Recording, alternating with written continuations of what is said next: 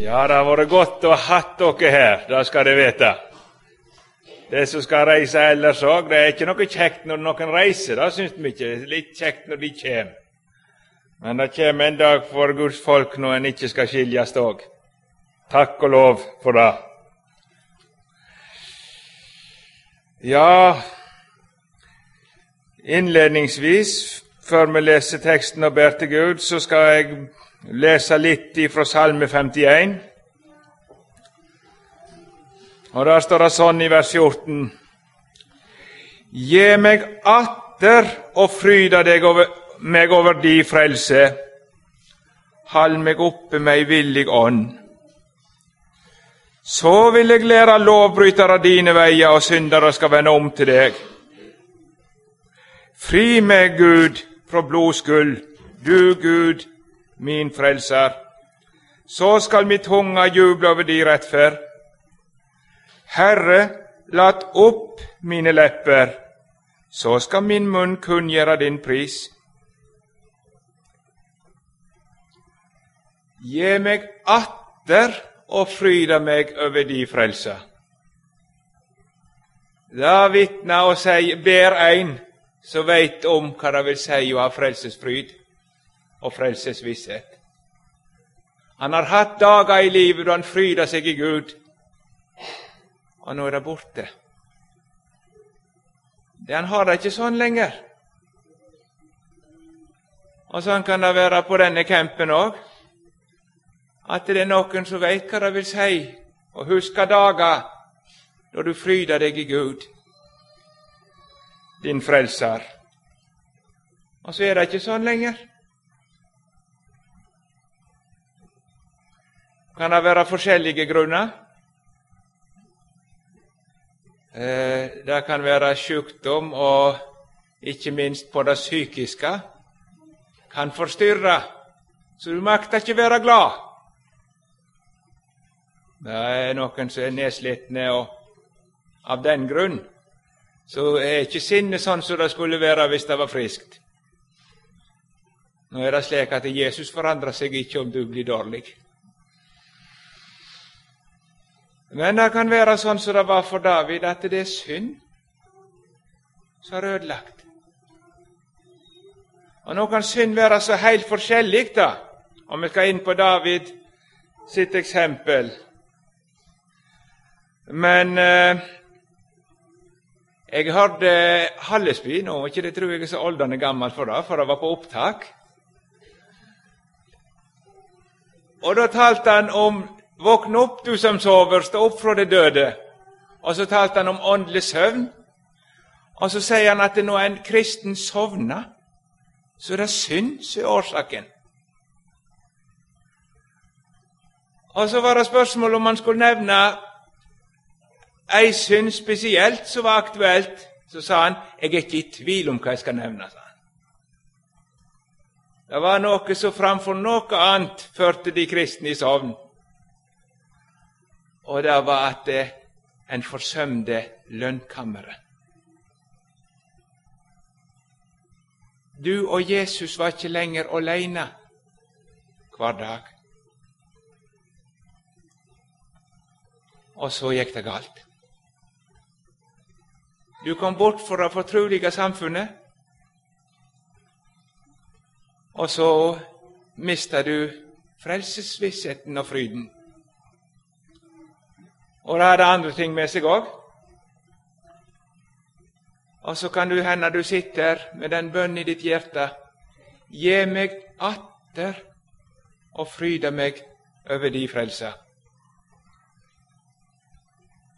Kan det bli sånn igjen?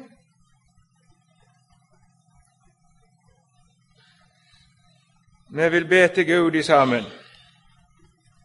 Kjære Herre Jesus, vi står for ditt ansikt. Og vi takker deg for vi har ditt ord, og nå ber vi om Din Hellige Ånd. Så ber jeg at du vil være med, med min munn, så det som fra deg får lye. Herre, hjelp oss nå å høre ordet som kan saliggjøre. Lukk du opp vårt hjertes øre. Hør vår bønn, vår frelses Gud. Amen. Da leser vi sammen fra andre Samuels bok, og der vil vi lese det meste av kapittel 11 nå. Andre Samuels bok, kapittel 11. Det er jo et kapittel som stundvis blir tatt fram. Men det var slik at jeg skulle prøve. Vi leser ifra vers 1. Året etter, ved den tida da kongene bruker å fare ut i krig, sendte David Joab av stad sammen med tjenerne sine og hele Israel. De herja landet åt Ammonsborna og kringsette Rabba. Men David held seg i Jerusalem. Så hendte det en kveld at David stod opp av senga og gikk ikring på taket av kongsslottet. Fra taket fikk han sjå ei kvinne som lauga seg. Kvinna var overlag fager. David sendte bud og spore seg for om kvinna, og de sa:" Det er da Batseba, datter til El Eliam, kona til Etitten Uria. Da sendte David bud og henta henne. Hun kom til han, og han lå jo henne like etter hun hadde renska seg fra urenskapen sin. Så gikk hun hjem igjen. Kvinna vart med barn, og hun sendte bud om det til David og lot seie, Jeg er med barn. Da sendte David dette budet til Joab. Send titten Uria til meg. Og Joab sendte Uria til David.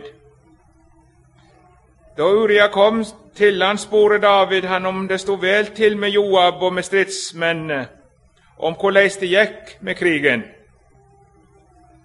Så sa David til Uria, Gå ned til huset ditt og vask føttene dine. Og da Uri gikk ut fra kongsgarden, sendte kongen ei gave etter han. Men det er antagelig ei gave med mat det står om. Stor, fin rett. Men Uria la seg ved inngangen til kongsgarden sammen med tjenerne og herren sin, og gikk ikke ned til huset sitt. Da David fikk vite at Uria ikke hadde gått ned til huset sitt, sa David til han, Kjem du ikke for å reise? Hvorfor har du ikke gått ned til huset ditt? Men Uria sa til David, Hartkista og Israel og Juda bor i lauhytte, og Joab, herren min, og tjenerne og herren min ligger i leir på åpen mark. Og så skulle jeg gå inn i huset mitt og ete og drikke og ligge hjå kona mi. Så sant du lever, så sant de sjel lever, dette gjør jeg ikke. Da sa David til Uria, Vær her hjå meg i dag, i morgen vil jeg la deg fara. Og Uria vart værende i, Uria vart værende i Jerusalem den dagen og dagen etter. David ba han til seg, og han åt og drakk jo han, og David gjorde han drukken. Om kvelden gikk han ut og gikk til seng sammen med tjeneren og herren sin, men ned til huset sitt gikk han ikke. Morgenen etter skrev David et brev til Joab og sendte det med Uria. Og i brevet skrev han såleis Set Uria lengst framme der striden er hardest, og drar dykk attende, så han blir sleien og dør. Og Så står det videre i kapittelet om at planen til David lukkast. Joab er med på det, han aner vel at det her er greier som skal ordnes opp i. Og så blir Uria drepen, og Batseba blir enkja. Så står det i vers 26 da kona til Uria hørte at Uria, mannen hennes, var død, sørgde hun over ektemaken sin. Men da sørgetida var ute, sendte David bud og hentet henne til huset sitt. Hun vart kona hans og fødte en sønn. Men det som David hadde gjort, var vondt i Herrens øyne.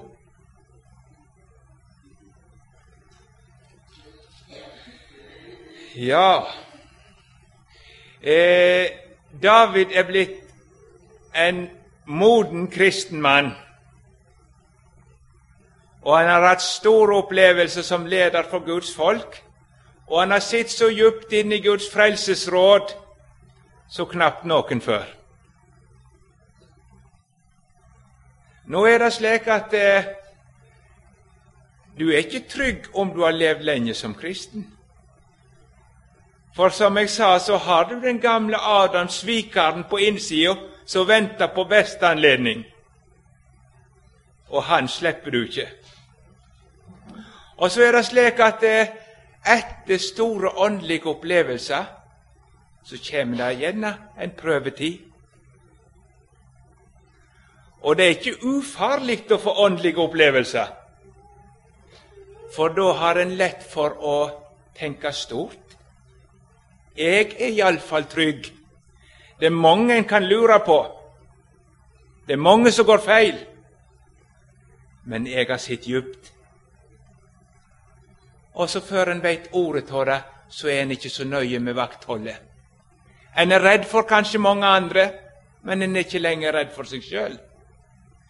Jeg er jo blitt så fast i trua, kommet så langt. Og så ser det ut som David holder på å sovne. Nå kan du si at hvis du sammenligner kong David med kongene rundt omkring, da kan jeg si det på en måte, det ser jo så grovt ut. Og du kan sitte og heve deg på din høye hest, for du har ikke vært konge i Jerusalem og at alle dører åpne. Så det kan godt hende du ikke har vært borti noe lignende til det David har gjort i det ytre. Men det er kanskje bare fordi du har ikke hatt anledning. Kongene holdt nemlig et voldsomt hoff rundt omkring, og hele folket var stort sett i Østerland gjort til slaver for kongen. Salomo var sterkt påvirka av det, og i sine eldre dager så bygde han opp et østerlandsk hoff, der hele folket måtte nærmest trelle for hans hus. Mange, mange koner, og stor rikdom dunga han opp. Og det var så lett sånn, for kongene hadde alle rettigheter, de.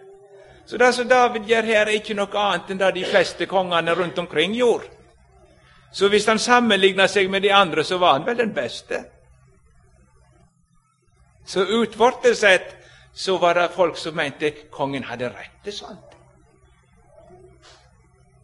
Det er nå den sida av saken. Men David, da?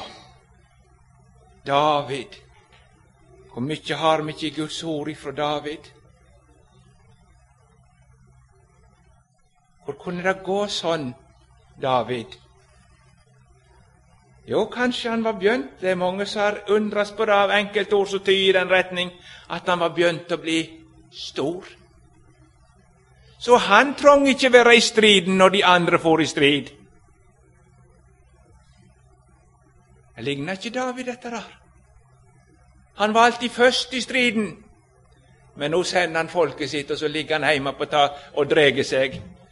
Først i kveldinga reiser han opp, han har så gode dager. Han er så trygg. Holder han på å sovne åndelig? Er han sovna? Og Det kan være så fort at etter de største opplevelser så kommer de største farer. Hvis du hever deg et hår over den djupest falne på denne jord, så er du stor åndelig fare. Frykt den som står, så til at han ikke faller. Og Hvis en skal gå opp til årsaken, og da kan hende jeg vil komme litt inn på sida òg, så er ikke årsaken bare akkurat dette med Batseba da òg. Skal nevne det. Men årsaken Jeg er født i misgjerning. Mor mi har avla meg i synd. Det ligger et villdyr på lur i hver eneste menneske. Frykt Tror du kan temje den løva du bærer i ditt hjerte? Det ligger der alt sammen. Den egenkjærligheten som fører til mord, ligger der. Den egenkjærligheten som gjør at du tåler ikke se ei vakker kvinne uten å ønske hun var di. Det er ikke nesten du tenker på, men det er deg. Det ligger der. Så frykt det var god grunn til det. Drar Gud hånda si ørlite tilbakers, så ligger du. Det er uvisst hvem som skal bli de neste avisoverskriftene. Det kunne fort vært noen her. Et villdyr her inne. Det må du huske. Frykt. Og begynner du å tenke stort om deg, at du er noe framom de andre, du. Du trenger ikke være med i striden. Guds folk er i strid. De må heim. Og for Guds rike så går du der og bare betrakter det, for du er blitt utenfor, du. Kanskje. Er ikke du i strid? Er du kommet inn i nøytral sone der du kan hvile? Eh, jeg kjenner jo den sangen 'Forsoning er vunnen i Jesu Kristi blod'. Vi har endatil der noen vers som de ikke har klart å få med i sangboka. Og blant annet skriver Lina til slutt Men Herre, du meg vara, jeg kan ikke verja meg, sjå foran i verda er så mange. Jeg er ikke ennå heima til evig tid hos deg, og Gud la ikke noe vondt med fanget. Og lat meg aldri synast at sjøl eg noko er, og la meg aldri trivast i framantlandet her, men venta glad i trulig selemøte. Bivrande og har grepet forsoningen, det trenger du ikke tvile på. Men så skjelvende, eg er så redd meg sjøl. Vokt meg vel på ferden, redd jeg er for verden, redd jeg er for meg. Ja, så er timen kommet og Satan sine glødende piler på en særlig måte skulle ramme han. Og så går han der og luffer hjemme mens Israel er i strid. Reiser opp langt utpå dagen og har altså gode dager. Feriedager er fristelsesdager så mange ganger. Og så får han se Batseba. Det var Batseba som skulle bli kongens sin støtestein i ytre. Ei åfager kvinne. Overlagfager, står det. Og det er jo fint. Men med hver gave så er det òg en fare. Det er noen kvinner som har fått det å være overlagfager. De kan veldig fort begynne å dyrke seg sjøl og sin egen skjønnhet. Og tidlig begynner en å legge merke til beundrende blikk, og det er fristelse i det. Og så kan det være temmelig masse ukjærlighet i når ei vakker kvinne bruker mye tid for å bli enda vakrere, for at de skal beundre meg, og i ukjærlighet nærmest trø på de som ikke er så vakre. Det krever nestekjærlighet for å ta godt vare på gava som heter å være vakker òg. Det gjelder mange ting, da. Når Herren har betrutt deg ei gave, du er, har evne, de kan du bruke i nestekjærlighetens tjeneste og i Guds tjeneste, men de kan du bruke i egen kjærlighetens tjeneste. Det kommer opp. Mange kristne foreninger er ødelagt fordi det var noen som gjorde det så voldsomt flott. De skrudde standarden opp, for de var så dyktige. Så de såra de som var mindre dyktige, og det ble vanskeligere og vanskeligere å holde sammen, for en briljerte med det en hadde. Og Det var jo bare et platt eksempel for så vidt, men det er nok ekte nok.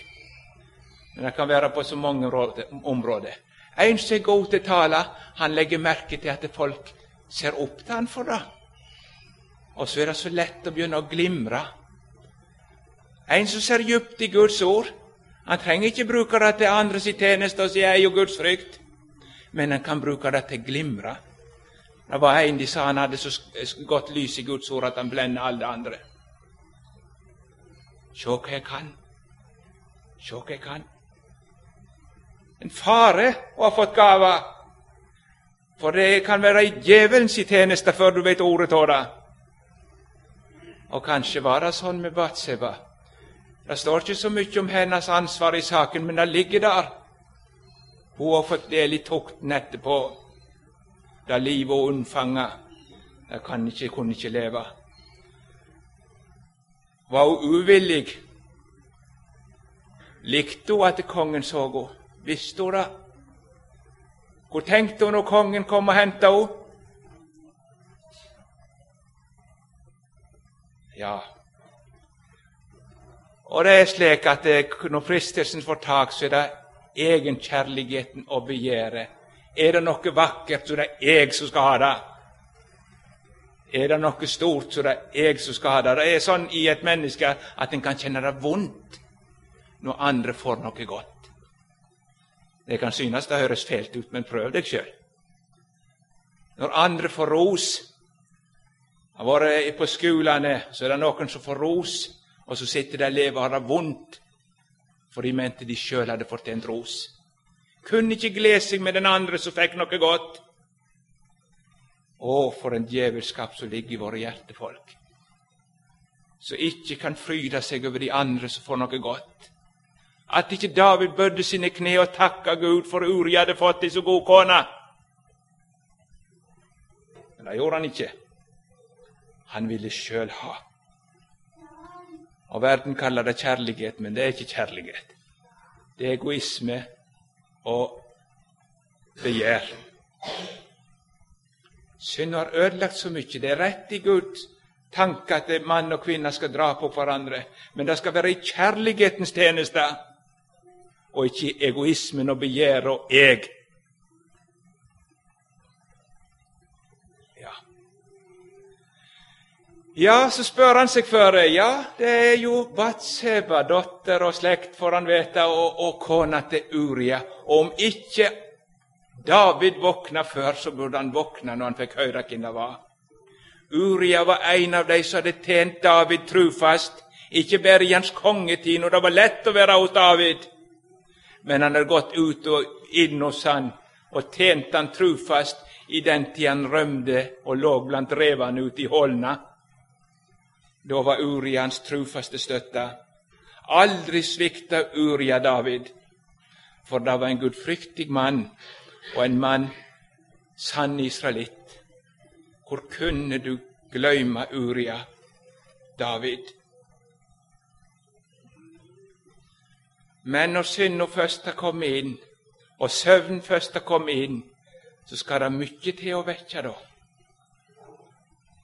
Og så sender han bud. Og så blir den syndige lyst en tanke som i hjertet kom, og som man litt lot råde, har så titt gjort sjelen tom på Guds dyre nåde. Og så blir den syndige lysten modnast, så føder den synd, gjørlig synd. Ja, så tek han en annen si kone og ligger med henne. Det er vel i det skjulte. Det sier det seinere du har gjort det i det skjulte. Så her er det bare David og Batseba som veit om hva som skjer. Og hun går hjem igjen før folk er våkna om morgenen, og så er det ingen som veit noe. Nå var Gud så nådig at det gikk ikke opp på akta likevel. Jeg får si det den veien. Og det er forunderlig med Gud. Midt i de syndigste forbindelser så gjør Gud et under. Et veldig stort under. Et menneske blir til. Og Det må du huske når du kommer borti sånne ting. Jeg har lyst til å si det òg. Når du kommer borti noen som er blitt barn utenfor ekteskapet. Det skjedde ikke det det skulle. Men å få barn er en stor ting. Et menneskeliv er skapt. Et menneske for evigheten er blitt til. Den evige Gud har gjort et under midt inni synd og sin natt. Og den saken er stor. Det var bare det at det skjedde ikke sånn som det skulle. Forbindelsen før var urein. Men det må aldri snakke nedsettende. Vår tid er det motsatte. Det er ikke galt å være sammen, men hvis det blir barn, prevensjon og alt dette. Bruk alt sammen, så går det så fint. Nei. Synd er like syndig for det. En dekker ikke til noe sånt med å prøve å hindre Gud i å gjøre et under. Kunne gått inn mer på det, men det må jeg la ligge nå. Ja vel. Og så begynner det steinen å rulle. For det er jo klart at det, Uria var jo ikke hjemme. og hun blir med barn. Dette kommer til å bli snakk. Det blir jo kjent. Og da må jo sannheten fram. Det er David. Og hvor i verden skal han nå fare? Og så er det det som så ofte skjer. Synd føder synd, mer synd. Begynner arbeidet å skulle skjule det. Tåler ikke lyset, det som har skjedd. Og det er mange som kan leve i både det ene og det andre, men bare det ikke kommer opp. Det må ikke bli kjent. Jeg har nevnt eh, og det er ikke så langt vekk fra noen hver, kanskje. Det er mange som driver utstrakt med renseprogram på PC-en for at ikke andre skal se hva de har vært inne på. Han går så lenge en er alene, men de andre må ikke vite det. For en er reddere for sin egen ære enn en er for Gud. Nå jeg skal ikke ta lett på det heller, for å eie et godt navn og rykte, det er en veldig stor ting, da. Og du skal ikke være den første til å ødelegge andre sitt navn og rykte. Det er så uhyggelig i våre dager, det er så fort å gå ut og brette ting ut. Det har òg spørs etter nestekjærligheten, om det var en som falt. Så jeg vil ikke si lett på det. Du skal være glad du slipper ut med alt bare du er sann for Gud. Og det som skjer mellom deg og Gud, det trenger du ikke fortelle til andre folk hvis det ikke det tjener deres sak. Det er noe med det å bekjenne synd og Det er ikke noe offer som du skal rundt og betale for Gud med. Når du skal bekjenne synd, så er det fordi du skal oppreise et anstøt du har skapt med ditt eget liv overfor mennesket. Har du synda mot et medmenneske, så skal du snakke ut med det medmennesket. Og er flere trenger ikke vite om det. Har du synda offentlig, så må du si noe offentlig. For da har du lagt anstøt offentlig som kristen. Du har gitt et falskt vitnesbyrd om Gud. Og det er bare én måte å ta det tilbake. Og det er at du går ut og legger et motsvarende vitnesbyrd og sier Satan lurte meg, og jeg har falt. Men jeg er ikke enig i det som skjedde, og jeg måtte bekjent det for Gud. Det var synd, men han har tatt imot deg. Ja. Ja, ja. Jeg fer nå visst ifra det ene til det andre. Ja, hva skal han gjøre? Jo, han må få Uria hjem, og så blir Uria kalt hjem ifra krigen og får pause. Han blir nå forundra, men han skal snakke med kongen hvordan det går på stridmarken, og han tror godt, og kongen vil vel og de får en samtale. Og så Når han er ferdig, da tenker eh, David som så at eh, Uria kommer jo av og lenge bort ifra kona. Kan skjønne han vil hjem, og det blir, det blir, eh, de, de kommer til å ha det godt i lag. Og så blir det Uria som er faren til barnet. Det går så fint. Men der har han tatt feil. For Uria var ikke en sånn mann som tenkte på seg sjøl og sitt eget behov når Israel var i krig. Han kunne ikke gå hjem. Han var jo i tjeneste. Nå er ikke tid til hvile, for han var en trugen soldat.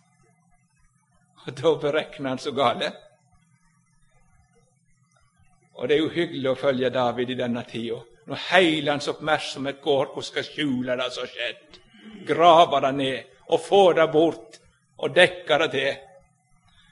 Og så litt seinere så finner du David nærmest i et fyllekalas, der han prøver å skjenke sin gode venn og medarbeider, skulle jeg bruke uttrykket, full. Jeg syns det, det er ikke noe fint syn. David, hvor er du havna? Til får han til sist drukken av. Men samme hvor gale det er blitt med der og fer ut gjennom dørene, det var et skammelig syn. Kongen har skjenkt han full. Ja. Så går han bare ned i porten. Han svikta ikke. Og så stranda det heile. Den som gjøymer sine misgjerninger, finner ikke lukka. Høyr det? Den som skjuler sine misgjerninger, finner ingen lokka.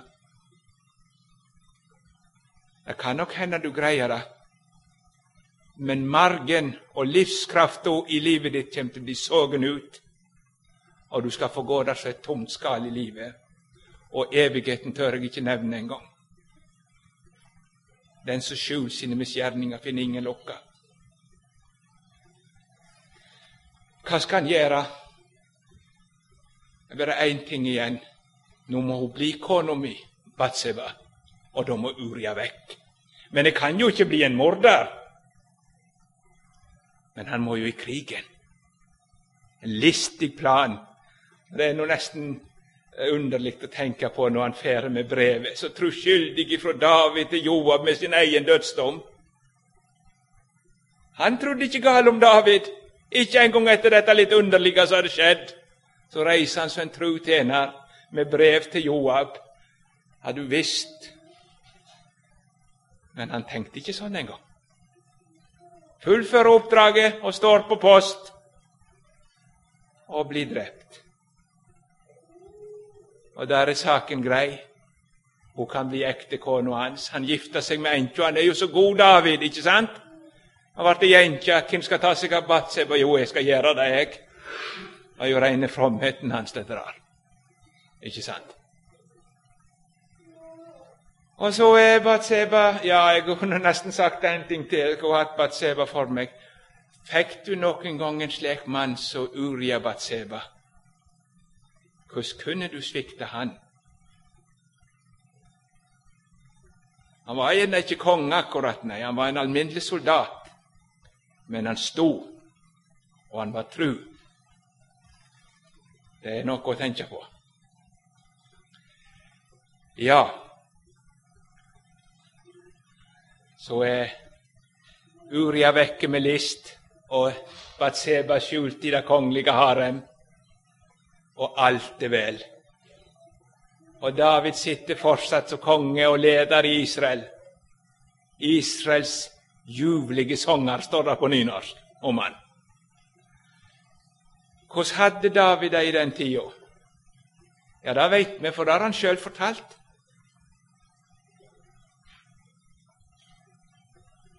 Dag og natt lå de håndtungt på meg.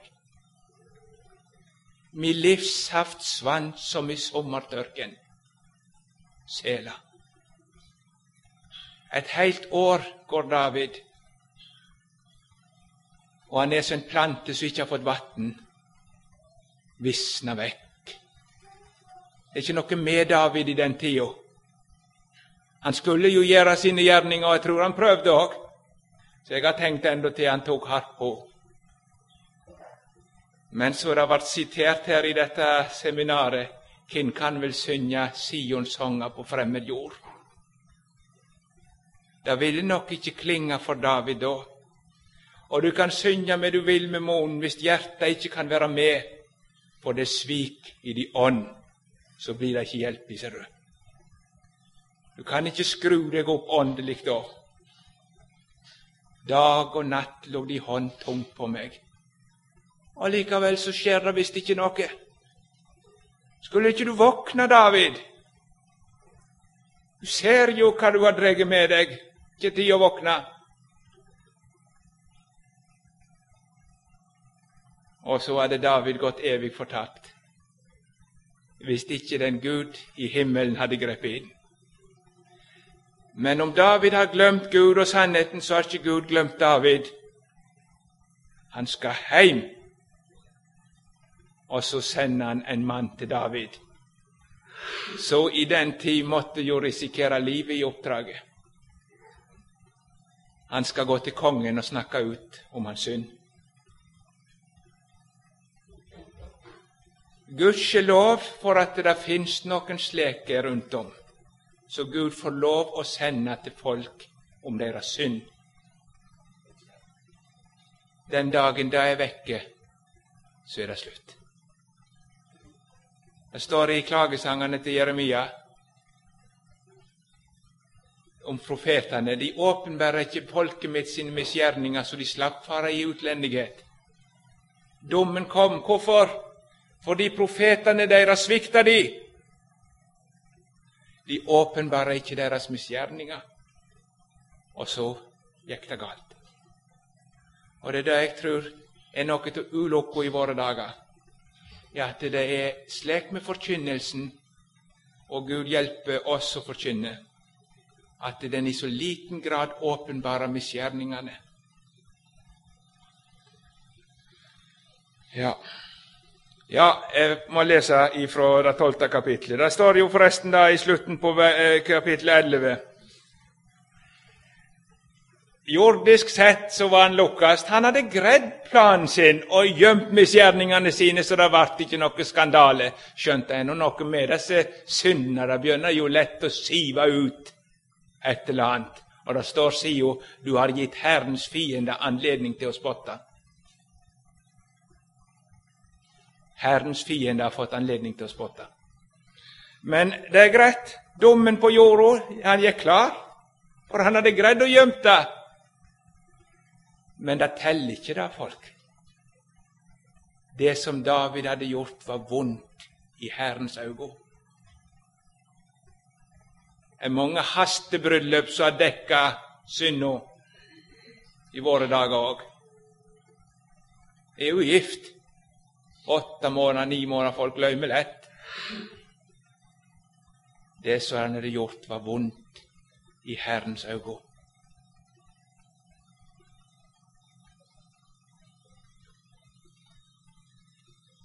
står du for en levende Gud? Er det Hans dommer du spør etter? Hva sier Gud om mitt liv, Han som veit alt? Det som hadde, eh, David hadde gjort, var vondt i Herrens øyne.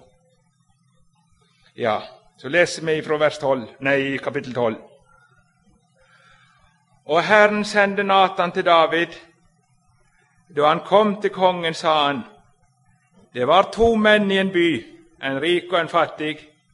Den rike hadde småfe og storfe i mengd, men den fattige hadde ikke annet enn et eneste lite lam som han hadde kjøpt og født opp. Det vokste opp Johan sammen med barna hans. Det åt av brødet hans og drakk av koppen hans og lå i fanget hans. Ja, du hendelse for et lam, skulle jeg til å si. Lå i fanget hans og var som ei datter for han. Da kom det en ferdamann til rikdommen, til rik, rikingen. Da kvidde han seg med å ta noe av sitt eget småfelle storfe og gjøre i stand for færamannen som var kommet til han. Han tok et eneste lam, det eneste lammet den fattige åtte, og laga det til for mannen som var kommet til han.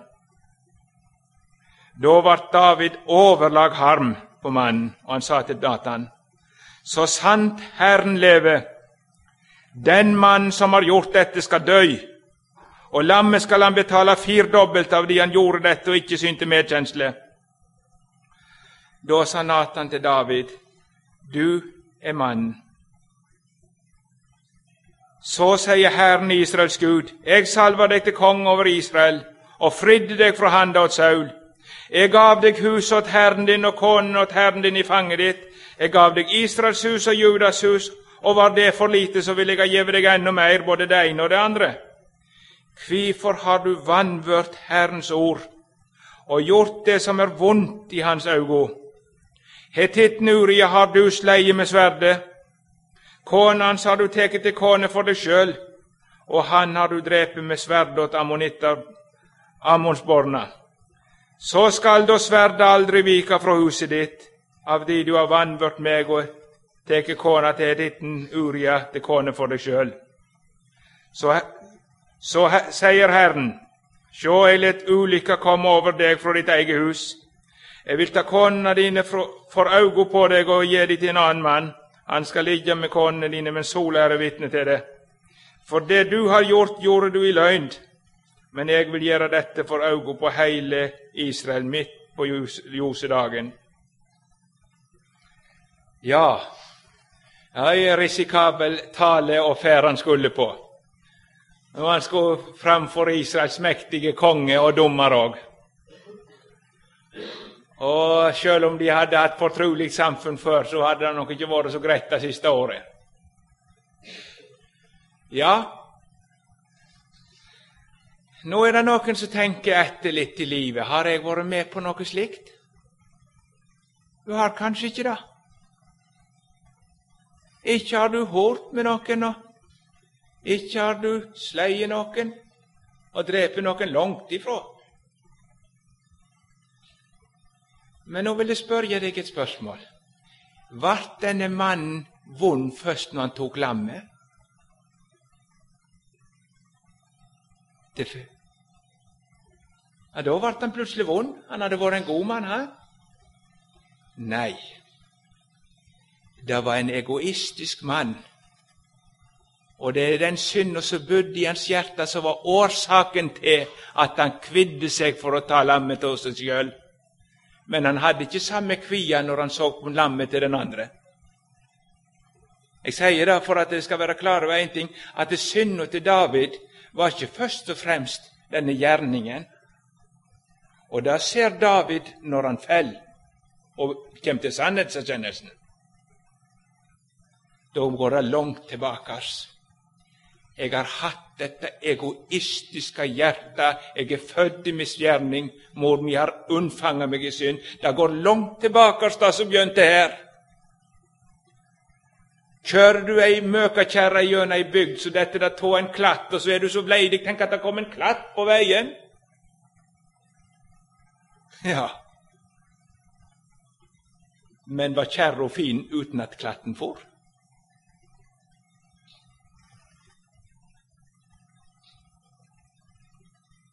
Er det begynt å bekjenne dere synder for Gud?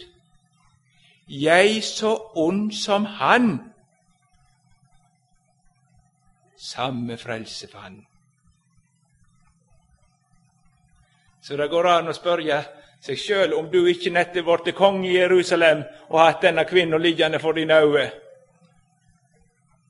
Tør du rose deg over mot David? Har ikke du det samme hjertet som har så inderlig mange ganger lite medkjensle med de andre? Så kan du ha fått ei god kone eller en god mann, og så kan du bare være bitter og ukjærlig og bryte ned respekten.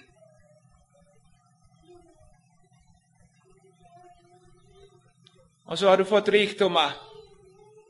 Så har ikke du stort større hjertelag, du heller, enn at det skal brukes på deg sjøl alt, og du skulle hatt enda mer. Tør du rose deg framfor David? Det kan hende at være at den klatten som får ut, var det som skulle til for at du skulle se hva du bærer i din barm. Det var godt om vi slipper sånne klatter, det er ikke det jeg prøver å si. Men du verden. Ja, ja. Iallfall så snakker han, og så dømmer David opp i været noe slikt galskap. En så ubarmhjertig riking som ikke kunne ta et lam hos seg sjøl, men tok det eneste den fattige hadde. Det var ikke rare greiene de hadde heller da. Et lam. Den mannen som gjorde det, skal dø. Slik uvesen skulle ikke leve på jord. Og han tar Herren til vitne på det. Og når da Gud tar dekket vekk gjennom profeten, så David ser det er meg sjøl. Og jeg har heilt rett og rettferdig dømt meg sjøl til døden. For så ubarmhjertig og rått har det fare fram at dette skulle ikke verte levende på denne jord. Da, er det ikke mye, da vert det ikke mye igjen til David. Har han ikke mye å si mer? Han er veldig kort når han da snakker. Han har bare et siste ord å si. Det du har sagt, Herre, er sant. Jeg er mannen. Ingen diskusjon mer.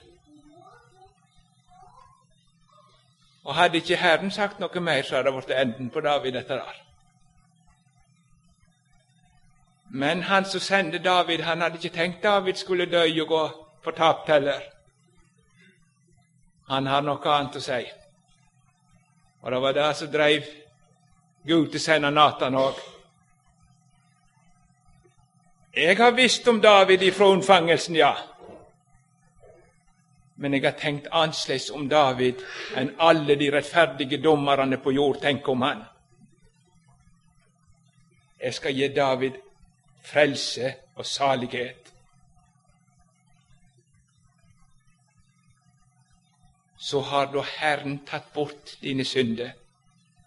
Du skal ikke dø.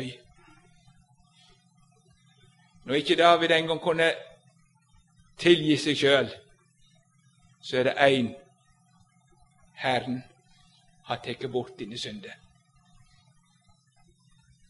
Og så skal David stå for Gud så rein, så rein. For når Herren gjør arbeid, så gjør Han det skikkelig. Og det er underlig å lese det ordet, så har da Herren tatt bort dine synder. Der er soningen, da. Men det var Herren som måtte gjøre det.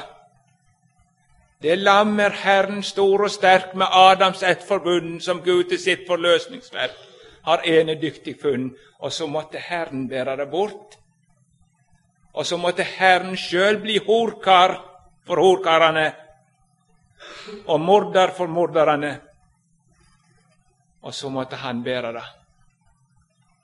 Det kosta dyrt for Herren å si David disse ord, men han skulle. Og det har jeg lyst til å si til dere nå, folk, det som sitter her Det er ikke en ting i ditt liv som ikke Jesus har vært i pur kjærlighet til deg og båret bort og tatt straffa for og oppgjort for og så venter han på den dagen han kan få lov å rope inn i din sjel. Du skal ikke dø. Herren har tatt bort dine misgjerninger.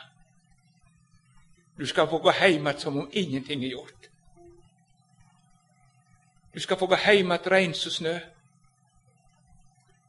Kom, la oss føre sak med en annen, sier Herren. Om syndene dykkar er som purpur, skal de bli kvite som snø om de er raude så skal lagen. en. Det ligger og venter deg alt sammen. Om du kjem så den bortkomne heim gjennom lukta som et svin. Det har vært så galt.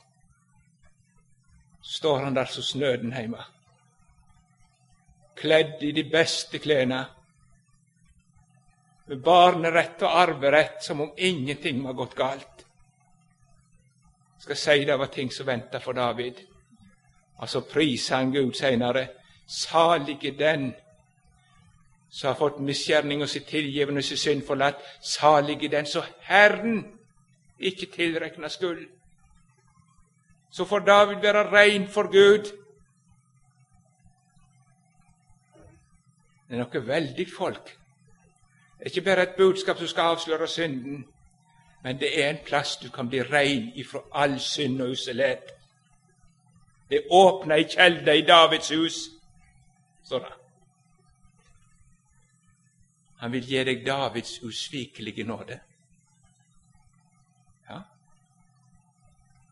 Den nåde at Herren ikke kommer synda di i hug. Jeg er den som sletter ut dine misgjerninger, og syndene dine kommer jeg ikke mer i hug. Tenk noe sånt. Det var sånn med da med, med, da, med Adam òg. Når Adam prøvde å gjemme seg for Gud, og tar Gud og stiller han blått og bærer fram. Dette har du gjort. Men når Adam står der i sine skitne klær for Gud, så tar Gud og kler han i frelsa. Når synderen prøver å gjemme seg for Gud, så blir misgjerninga åpenbart. Når synderen står der med sin skam for Gud, så blir misgjerninga skjult. Borte. Jeg er den som sletter ut, sier han. Forunderlige nåderike. Skjønt uverdig, dog rettferdig, står en Jesu Kristi brud. Hun har byttet bort sin egen drakt i det skjønne bryllupsgrud. Og så er det et rike han tilrekna det ikke synd. Så blir David telt mellom de reine i evighet.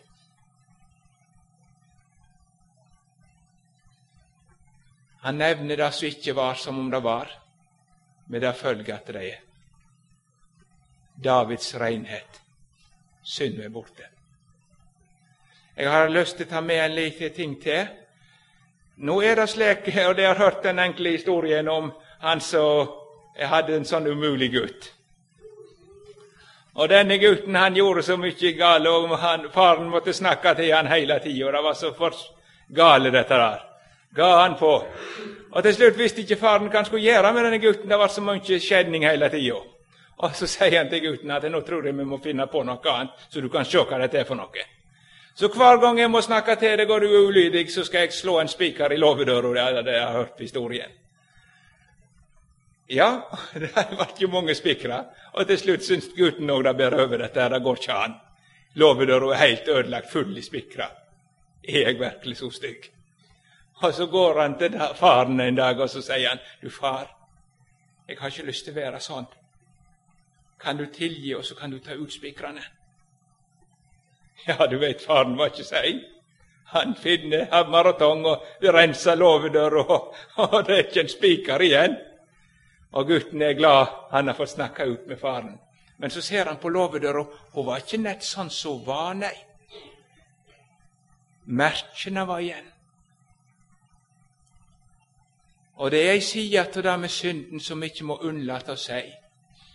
Davids hus blei ikke det samme etterpå. Men det må vi snakke forsiktig om, for da ser vi det fra jordisk side. For Gud var David fullkommen, rein. Og han fortsetter å være Israels ljuvlige sanger.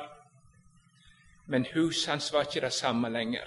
Det ble så mye elendighet, og sverdet kunne ikke vike ifra huset. Og det måtte skje ting for at ikke folk skulle misforstå det. Synd er ikke farlig, sa folk. Se bare på David. Jo, synd er farlig. David møste gutten når det ble et annet hus. Gud må føres i saker nede, men det skal ikke det misforstå. Det betyr ikke at han lå unna en vrede fortsatt.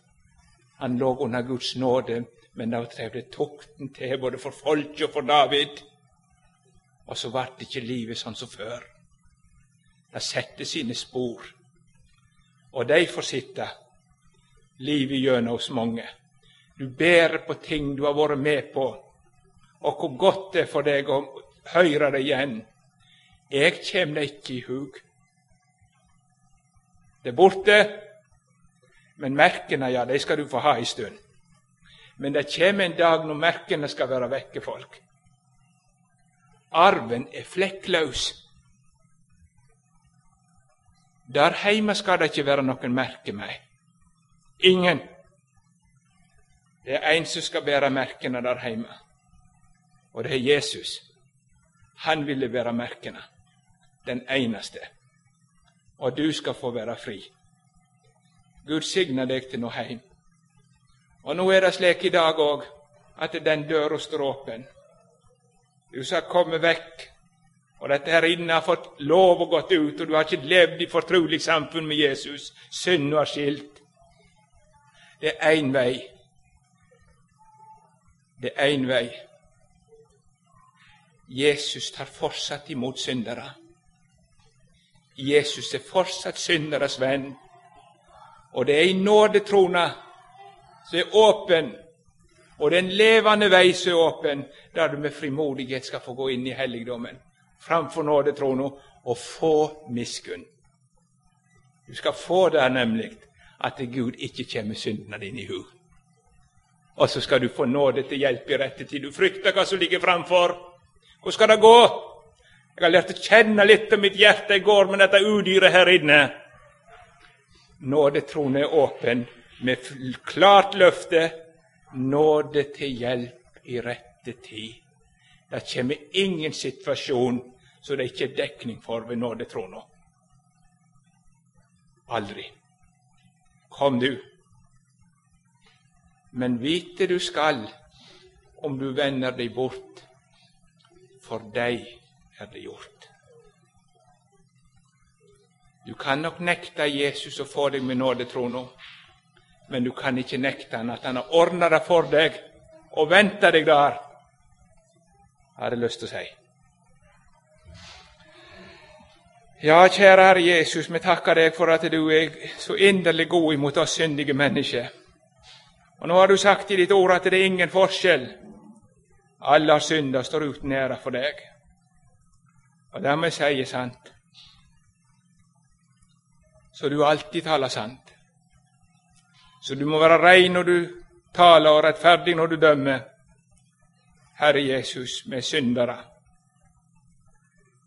Men da skal du ha så inderlig takk, Jesus, for du gikk for meg en blodig sti, og jeg som skyldig var, slapp fri. Takk for Golgata. Takk for du blei en forbannelse for oss, synder for syndere. Jesus,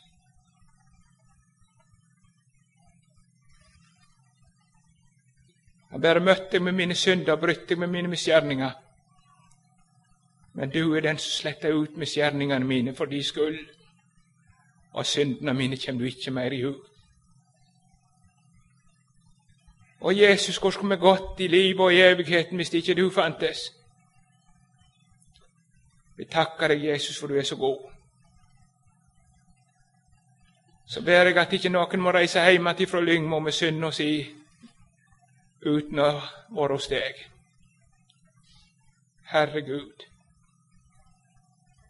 Amen.